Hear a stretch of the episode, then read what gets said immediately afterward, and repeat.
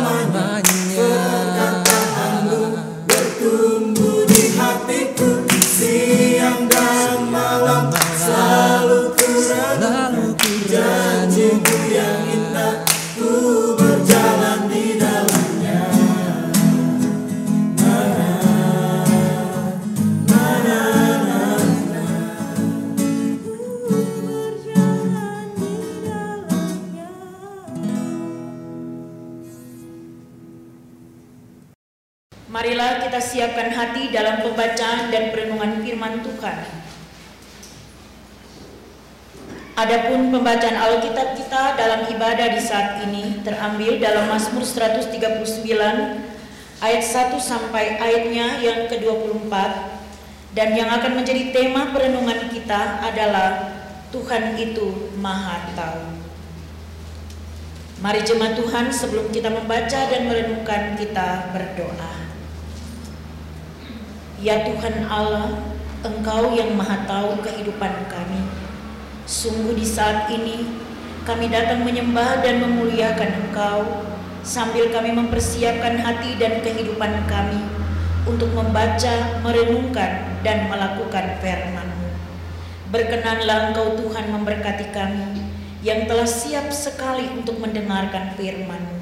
Teristimewa bagi hambamu yang akan membacakan firman-Mu, tetapi juga hambamu yang akan mewartakan firman-Mu dan semua kami Tuhan yang akan belajar dan melakukannya. Tolonglah kami dalam segala kekurangan dan keterbatasan ini. Kiranya kami dipenuhi dengan roh kudusmu, dengan hikmatmu, dengan kuasamu.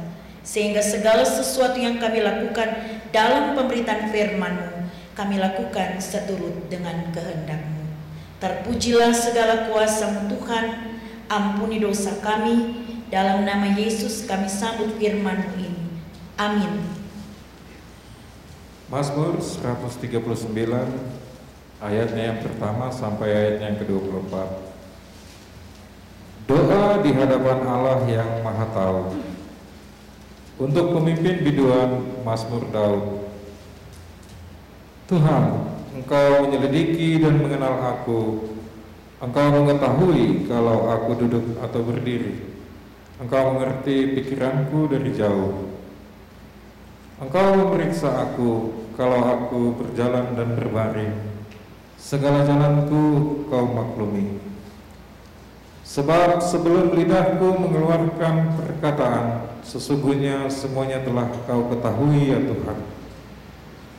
Dari belakang dan dari depan, engkau mengurung aku dan engkau menaruh tanganmu ke atasku.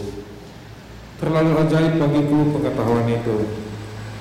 Terlalu tinggi, tidak sanggup aku mencapainya. Ke mana aku dapat pergi menjauhi rohmu?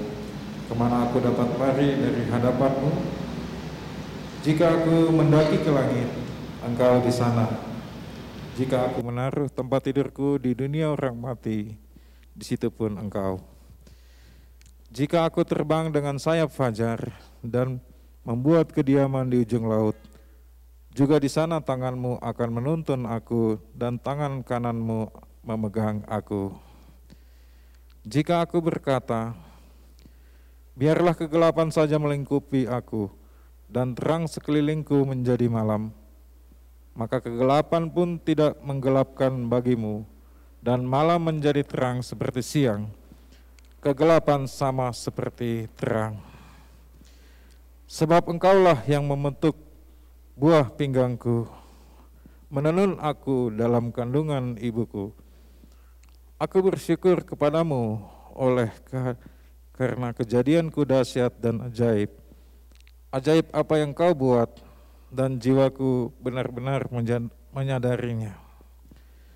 Tulang-tulangku tidak terlindung bagimu. Ketika aku dijadikan di tempat yang tersembunyi dan aku direkam di bagian-bagian bumi yang paling bawah, matamu melihat selagi aku bakal anak dan dalam kitabmu semuanya tertulis hari-hari yang akan dibentuk sebelum ada satupun daripadanya. Dan bagiku betapa sulitnya pikiranmu ya Allah, betapa besar jumlahnya. Jika aku mau menghitungnya, itu lebih banyak daripada pasir. Apabila aku berhenti, masih saja aku bersama-sama engkau. Sekiranya engkau mematikan orang fasik ya Allah, sehingga menjauh daripadaku penumpah-penumpah darah yang berkata-kata dusta terhadap engkau dan melawan engkau dengan sia-sia. Masakan aku tidak membenci orang-orang yang membenci engkau ya Tuhan, dan tidak merasa jemu kepada orang-orang yang bangkit melawan engkau. Aku sama sekali membenci mereka, mereka menjadi musuhku. Selidikilah aku ya Allah dan kenalah hatiku. Ujilah aku dan kenalah pikiran-pikiranku. Lihatlah apakah jalanku serong dan tuntunlah aku di jalan yang kekal. Amin.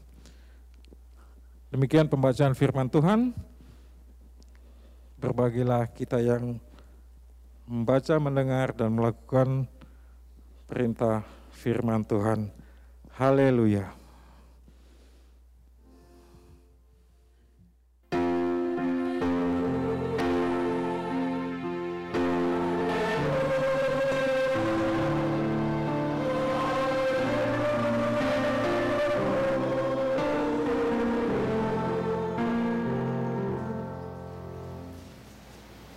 Marilah kita berdoa. Dengan hati yang bersyukur kami menyembah Engkau ya Tuhan, di atas segala berkat yang sudah Tuhan berikan bagi kami, sehingga disadari Tuhan kami tidak pernah kekurangan, tetapi benar kelimpahan berkat-Mu selalu kami alami, baik kesehatan, kekuatan, pekerjaan, dan rumah tangga kami.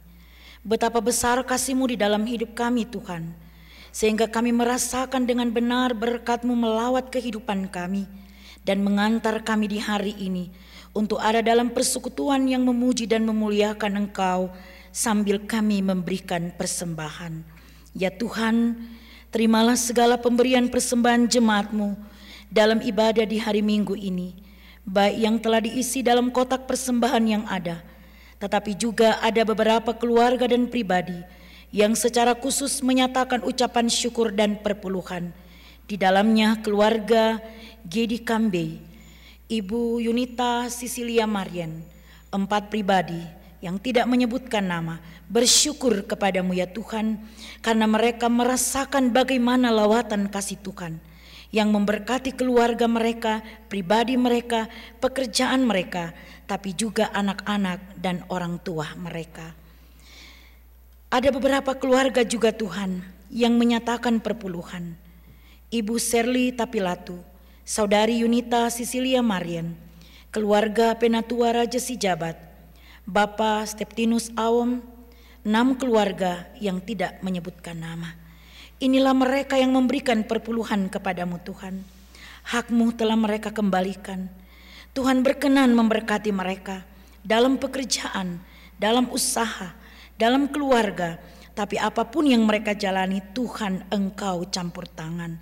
Demikian dengan kami yang sudah memberi dalam kotak persembahan yang ada. Tuhan juga kiranya memberkati kami, sehingga segala berkat yang kami alami hari ini tidak akan berkekurangan Tuhan. Tetapi benar di dalam nama Yesus, kami akan terus dipenuhi dengan berkat-Mu sesuai dengan kebutuhan kami. Terimalah persembahan kami ini Tuhan, berkatilah dan kuduskan semuanya. Biarlah semuanya ini menjadi layak di hadapan-Mu dan boleh dipakai untuk misi pekabaran Injil-Mu Tuhan. Di dalam nama Yesus Kristus kami bersyukur dan memberi persembahan. Amin. Shalom. Sekali lagi saya menyapa jemaat sekalian, Shalom. Saudara-saudaraku yang dikasih dan diberkati oleh Tuhan kita Yesus Kristus hari ini, kita akan merenungkan satu bagian firman Tuhan dalam Mazmur 139 ayat 1 sampai ayatnya yang ke-24 dengan tema Tuhan itu Maha Tahu. Tuhan itu Maha Tahu. Saudara-saudaraku yang dikasih Tuhan, sebelum kita masuk dalam perikop pembacaan Alkitab ini, saya coba mengantar saudara-saudara untuk mengenal lebih dekat siapa Tuhan kita. Kalau kita mengingat sejarah penciptaan Tuhan, yang ketika dia menempatkan manusia Adam dan Hawa di Taman Eden. Ada satu pelanggaran yang telah dilakukan oleh Adam dan Hawa. Dan ketika mereka melakukan pelanggaran itu yaitu memakan buah larangan yang sudah disebutkan Tuhan dalam kehidupan mereka. Tuhan tidak melihat apa yang mereka lakukan saat itu saudara-saudara. Karena Tuhan tidak bersama dengan mereka di Taman Eden. Tetapi ketika peristiwa itu terjadi, Adam dan Hawa menyadari dan menyembunyikan diri mereka di hadapan Tuhan. Dan tiba-tiba suara Tuhan datang dalam kehidupan Adam dan Hawa memanggil mereka, "Adam, Adam, di manakah engkau?" Hal ini menjelaskan bahwa Tuhan tahu bahwa mereka telah melakukan sesuatu yang dilarang oleh Tuhan. Dan karena itu selanjutnya sejarah ini mengantar dan membuat kita memahami mengenal Sang Allah yang menciptakan kita. Dia mengetahui kedalaman hati setiap orang yang diciptakannya.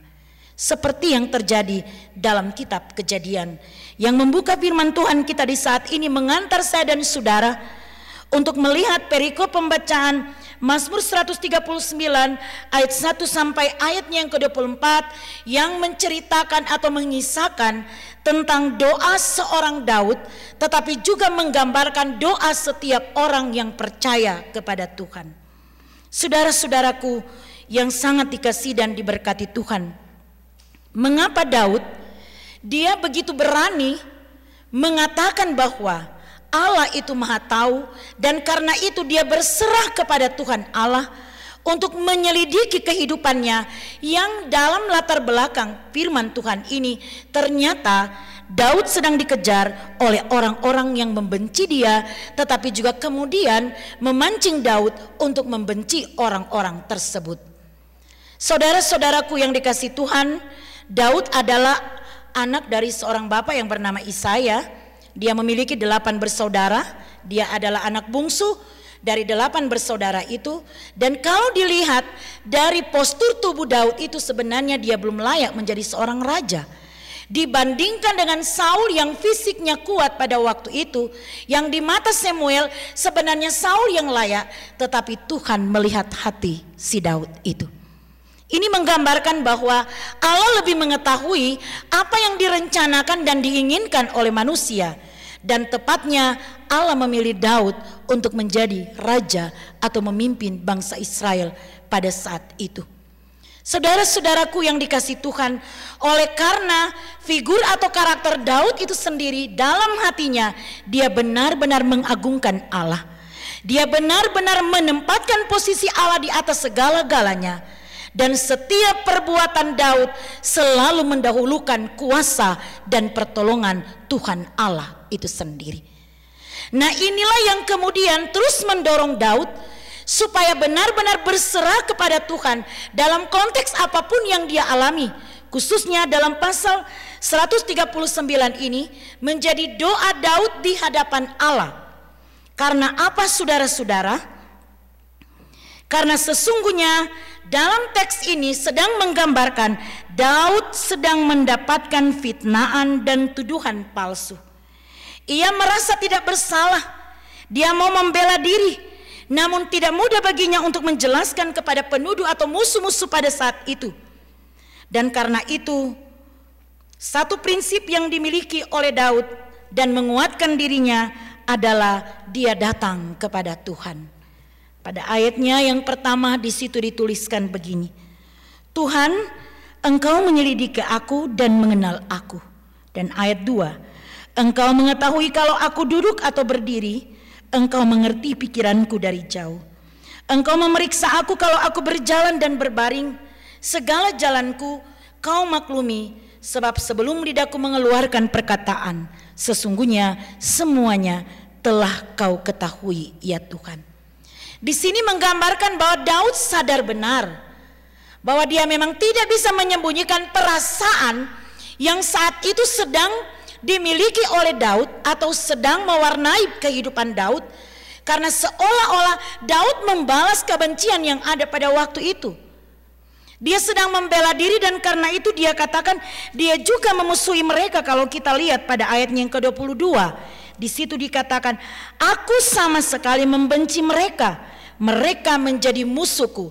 Itu Daud katakan kepada Tuhan. Jadi di sini Daud mau supaya Tuhan engkau yang maha tahu selidikilah aku. Kata selidiki ini sebenarnya mengantar Daud untuk berserah kepada Tuhan bahwa apa yang dia lakukan saat itu sebenarnya sudah salah dan dia mau Tuhan menyelidiki dia kembali. Karena Daud bilang Tuhan tahu apa yang dia lakukan. Dia mau berdiri, dia mau duduk, dia mau berjalan, apa yang dia pikirkan, dan sebelum keluar dari mulutnya Tuhan sudah tahu. Namun dalam posisi ini Daud tidak diam diri saudara-saudara. Biasanya orang kalau berdoa begini ya. Tuhan engkau sudah tahu apa yang akan kami sampaikan. Amin. Ada yang begitu ya. Tetapi belajar dari Daud dalam teks ini mengantar saya dan saudara ketika kita memahami bahwa Tuhan sudah tahu apa yang kita lakukan bukan berarti kita menyimpan di dalam hati.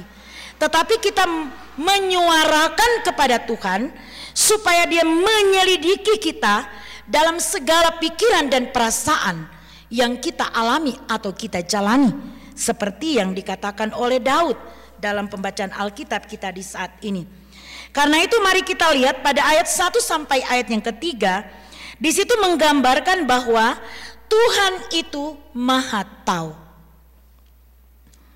Mazmur mengangkat posisi kealahan Tuhan ini dan karena itu mengatakan bahwa sungguh mengetahui segala sesuatu tentang dirinya dan kedalaman hatinya dan pikiran-pikirannya.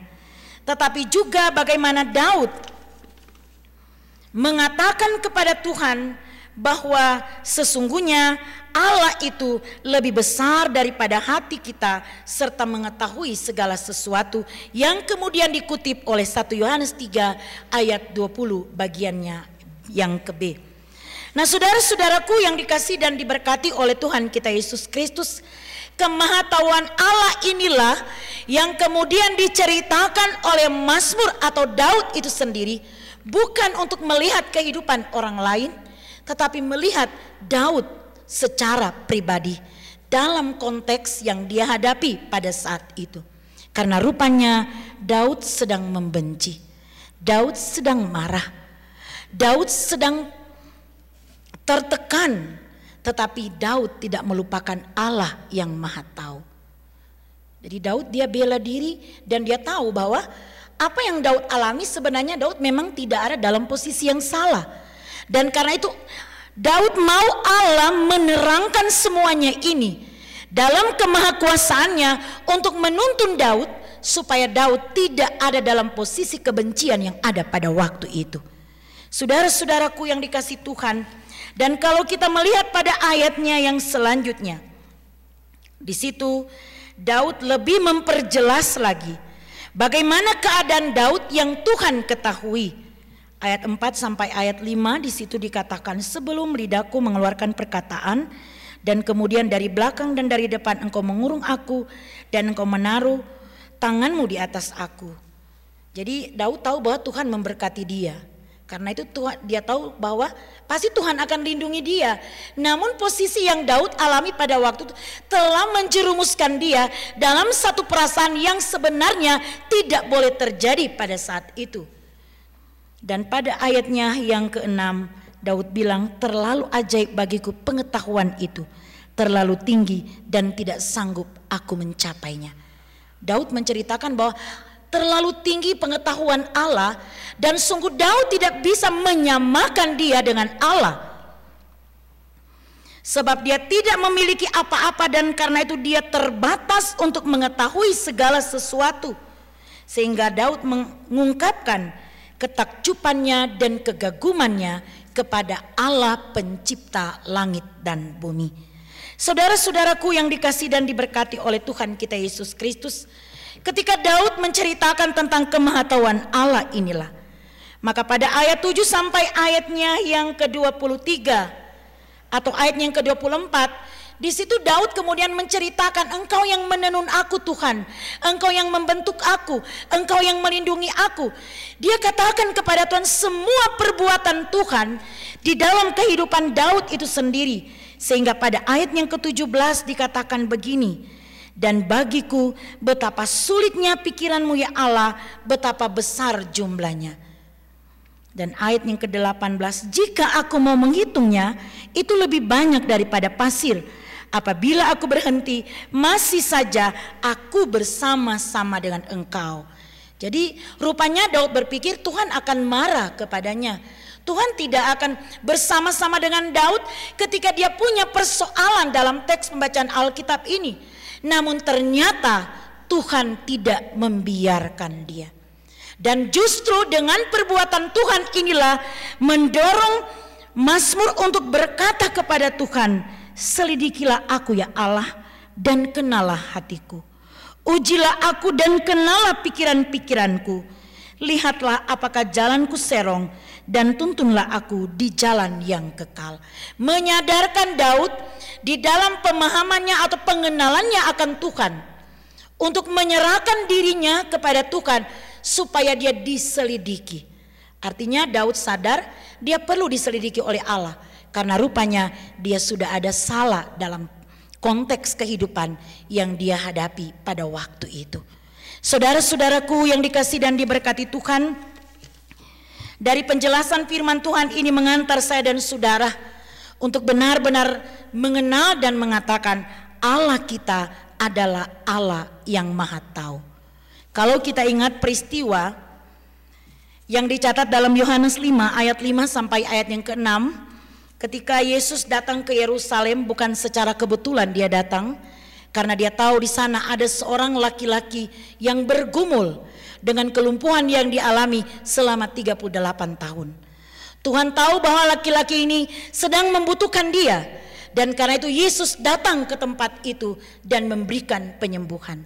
Ini jelas menggambarkan kepada saya dan saudara bahwa Allah kita adalah Allah yang maha tahu. Ke mana pun kita pergi, dia akan tahu. Ibaratnya seperti CCTV ya, CCTV misalnya dipasang di depan gereja sana.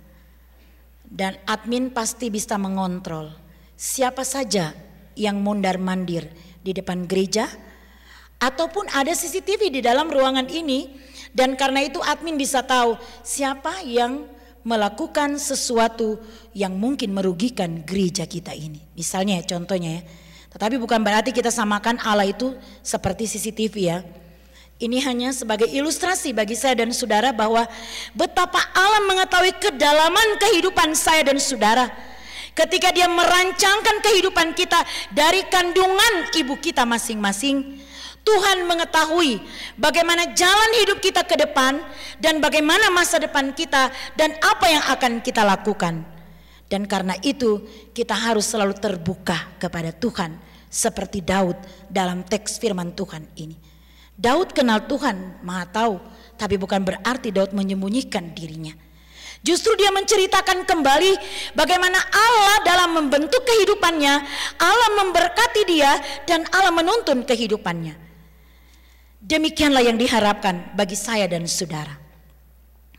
Saya mau bertanya kepada saudara-saudara sekalian, apakah saudara-saudara begitu percaya bahwa Allah yang saudara-saudara sembah adalah Allah yang Maha Tahu?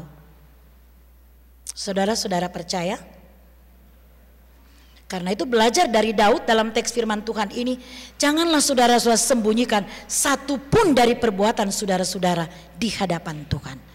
Jadi saudara mau masuk di kolong tempat tidur, Tuhan tahu saudara-saudara. Saudara pun mau tinggal di hutan, Tuhan pasti tahu ke mana saudara-saudara pergi.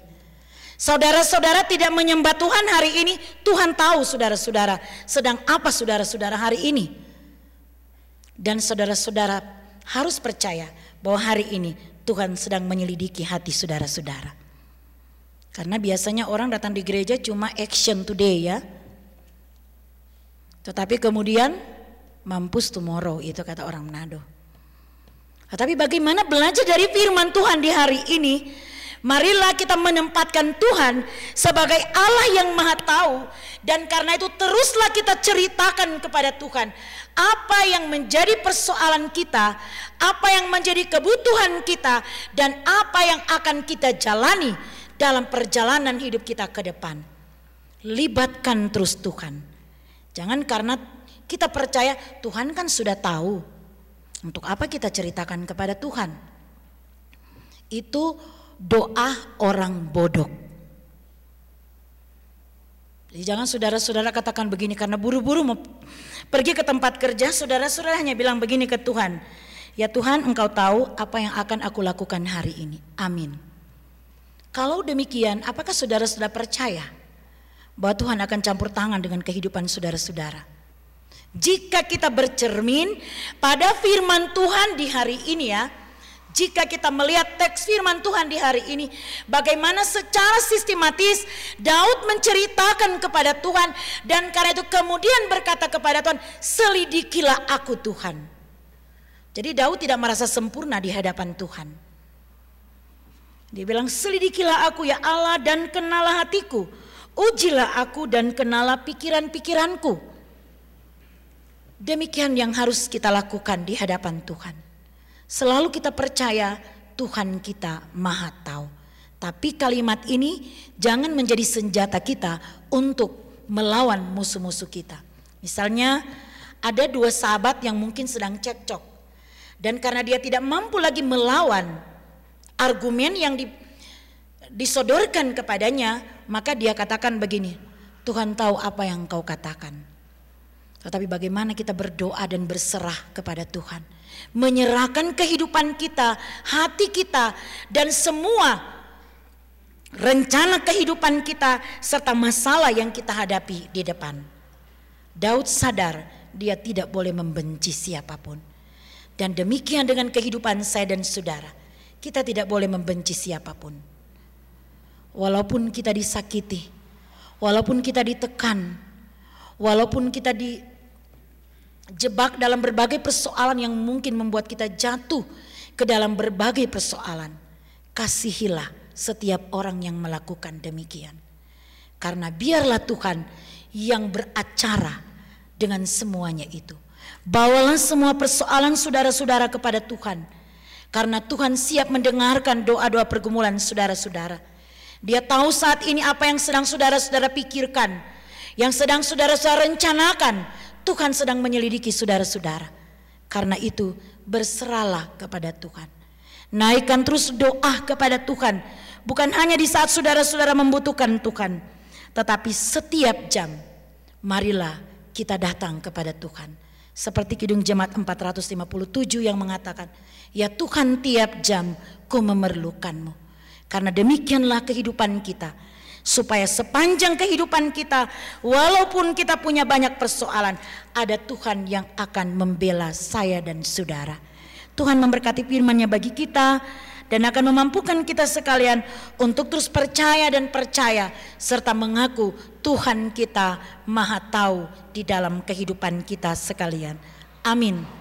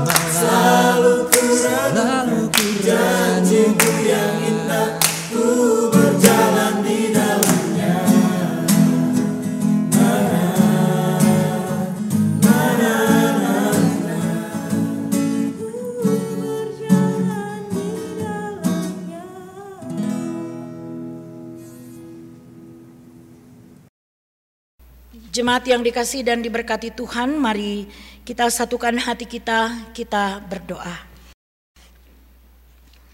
Ya Tuhan Allah, Engkau yang Maha Tahu, kami muliakan Engkau di dalam nama Yesus Kristus Tuhan kami.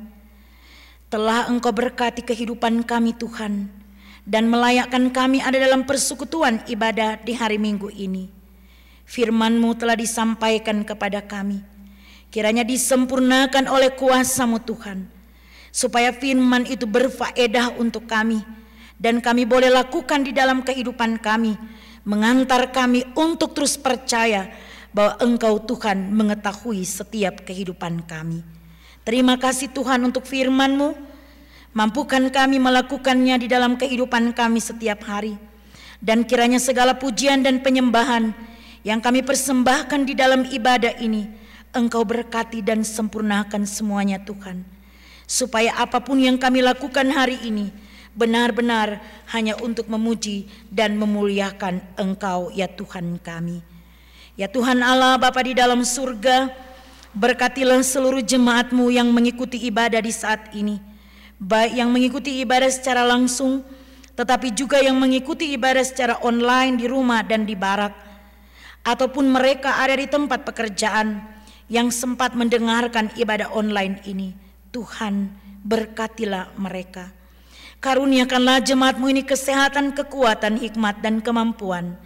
Jauhkanlah jemaatmu ini Tuhan dari segala mara bahaya, sakit penyakit, kecelakaan, cobaan, godaan maut sekalipun. Berkenanlah Tuhan memberkati setiap jemaatmu dalam tugas tanggung jawab mereka sebagai kepala keluarga, sebagai istri, sebagai anak-anak. Tapi juga di dalam jemaatmu ini Tuhan engkau tahu mereka adalah pekerja-pekerja di PT Freeport kontraktor dan privatisasi. Maka berkatilah mereka dalam setiap tanggung jawab yang ada, baik sebagai pimpinan dan manajemen, tapi juga sebagai karyawan dan karyawati. Mampukan jemaatmu ini Tuhan untuk terus berkarya dalam rancangan Tuhan. Dan dampingilah jemaatmu Tuhan, supaya jalan hidup jemaatmu ini Tuhan selalu berjalan di jalan selamatmu. Ya Tuhan Allah Bapa di dalam surga, hamba pun berdoa dengan kondisi kami di tempat ini yang bergumul dengan pandemi COVID-19. Pada akhir-akhir ini Tuhan, kami berhadapan dengan kondisi di mana meningkatnya jumlah orang yang terjangkit dengan virus COVID-19. Tuhan, kami tidak bisa menghentikan pandemi ini. Hanya Engkau Tuhan di dalam nama Yesus yang bisa menghentikan pandemi ini. Biarlah kami boleh berada dalam situasi yang aman Tuhan. Selamatkan kami dari pandemi ini Tuhan. Dan biarlah orang-orang yang saat ini bergumul dengan COVID-19 di barak E, di barak I, di rumah sakit, ataupun di rumah mereka masing-masing. Tuhan, lawatlah mereka dengan kuasa kesembuhan-Mu. Sembuhkan mereka Tuhan. Sembuhkan di dalam kuasa-Mu. Sehingga mereka boleh beraktivitas kembali dengan kekuatan yang baru, dengan sehat yang baru, dan hidup yang diberkati. Para medis yang menangani mereka, Tuhan juga kiranya kuatkan dan sehatkan, lindungilah para medis supaya mereka tetap sehat di dalam melayani para pasien khususnya yang menderita COVID-19. Ya Tuhan Allah Bapa di dalam surga dan lindungi serta bentengi kami yang sedang dan masih sehat sampai saat ini Tuhan. Supaya kami tidak terjangkit dengan pandemi atau COVID-19 ini. Karena kami percaya dalam perlindungan-Mu Tuhan, kami akan tetap aman dan sehat dengan terus mematuhi protokol kesehatan, hidup bersih, dan selalu memakai masker serta menjauhi keramaian. Tolonglah kami dengan hikmat-Mu Tuhan, supaya kami mampu menjalani semuanya ini dengan baik. Bapa di dalam surga, pada saat ini kami bergumul bersama dengan keluarga Ibu Penatua Stella Runtuene Sigarlaki, di mana mama kekasih dari Ibu Penatua ini, yaitu Ibu Lin Sigarlaki, sedang bergumul dengan penyakitnya di rumah sakit Lembean, Manado. Ibu Lin dalam keadaan tidak sadar Tuhan. Kami tidak bisa datang melawat ibu kekasih ini karena jarak kami sangat jauh. Tapi kami percaya dalam nama Yesus, Engkau dekat dengan ibu kekasih ini. Dan berkenanlah Tuhan, menjamah tubuh ibu Lin Sigar lagi.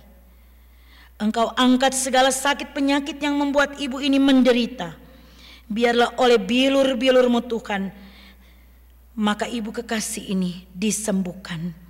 Berkati para medis, mampukan mereka dengan hikmatmu, supaya di dalam mereka melakukan perawatan kepada ibu kekasih ini, mereka boleh lakukan sesuai dengan kehendakmu.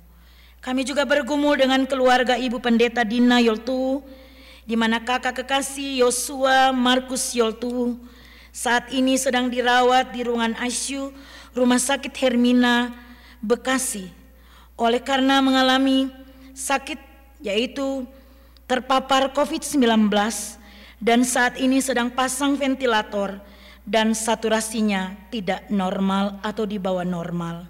Tuhan, keluarga ini bermohon kepadamu untuk melawat kakak kekasih Yosua Markus Yoltu yang saat ini berada di ruangan ICU Rumah Sakit Hermina Bekasi.